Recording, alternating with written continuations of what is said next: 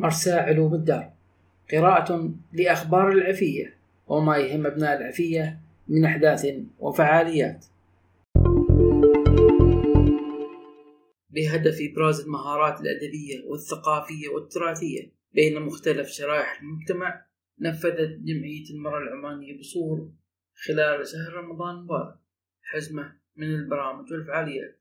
حيال هذه الفعاليات قالت الأستاذة يسرى بن صالح الغيلانية. رئيسة مجلس إدارة جمعية المرأة العمانية بصور لقد سعى مجلس الإدارة بالتعاون مع اللجان المختلفة بالجمعية إلى إيجاد العديد من البرامج والأنشطة والفعاليات والتي ارتأينا من الضرورة بمكان إبرازها لمختلف شرائح المجتمع خاصة في ظل بقاء الأهالي في المساكن تنفيذا لقرارات اللجنة العليا المكلفة ببحث آلية التعاون مع تطورات فيروس كورونا المستجد.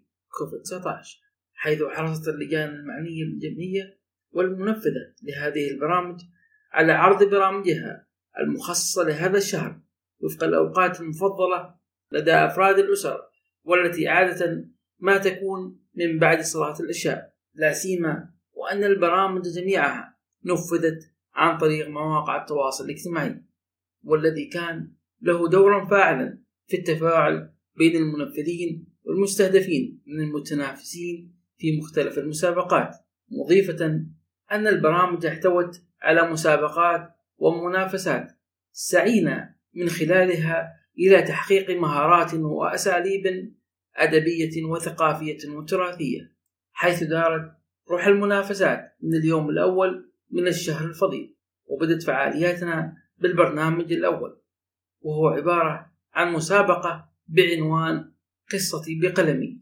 وهي كتابة القصة القصيرة للنساء واستهدفت الفئة العمرية من 18 سنة فما فوق. قد شهدت هذه المسابقات الكثير من المنافسات بين الفتيات والنساء. وجاء برنامجنا الثاني بعد الأسبوع الثاني من شهر رمضان الفضيل مسابقة الأطفال لهجتي ثروتي. ماذا يقال باللهجة السورية؟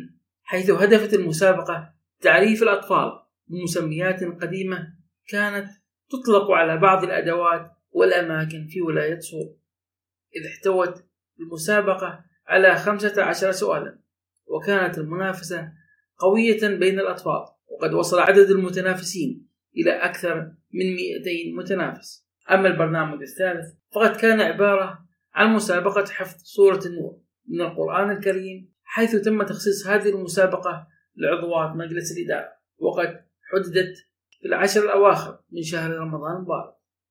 فيما جاء البرنامج الرابع والذي يعد البرنامج الأقوى من بين هذه البرامج برنامج أهلا رمضان الذي احتوى على خمسة أجزاء تمثلت في محاضرات ثقافية ودينية وصحية جلها ينصب في مجال توعية الأسرة.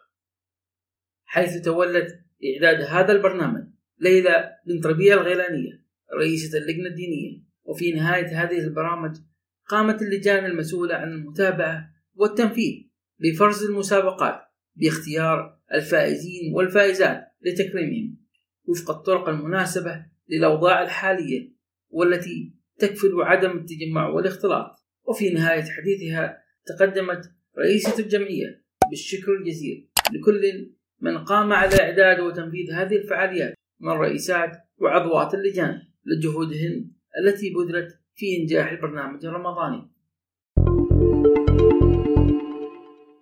ونأتي الآن إلى نهاية برنامجنا لهذا اليوم. ولا تنسوا متابعتنا على منصات التواصل الاجتماعي تويتر وإنستغرام SourCity Net وعلى اليوتيوب SourCity TV. وعلى شبكة الويب www.sourcity.net